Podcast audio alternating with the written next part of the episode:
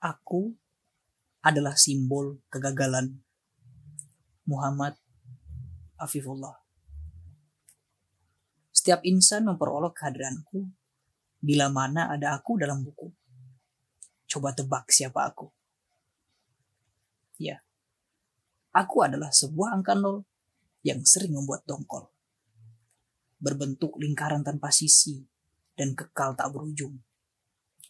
Seringkali menemui angka lain sebagai penyempurna nilai.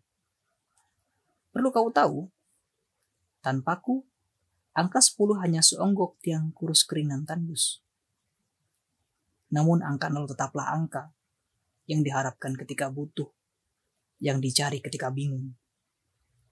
Untuk itu, aku tak membutuhkan angka lain selain angka 0. Karena baik pikiran batin yang bergejolak telah terpatri dengan baik.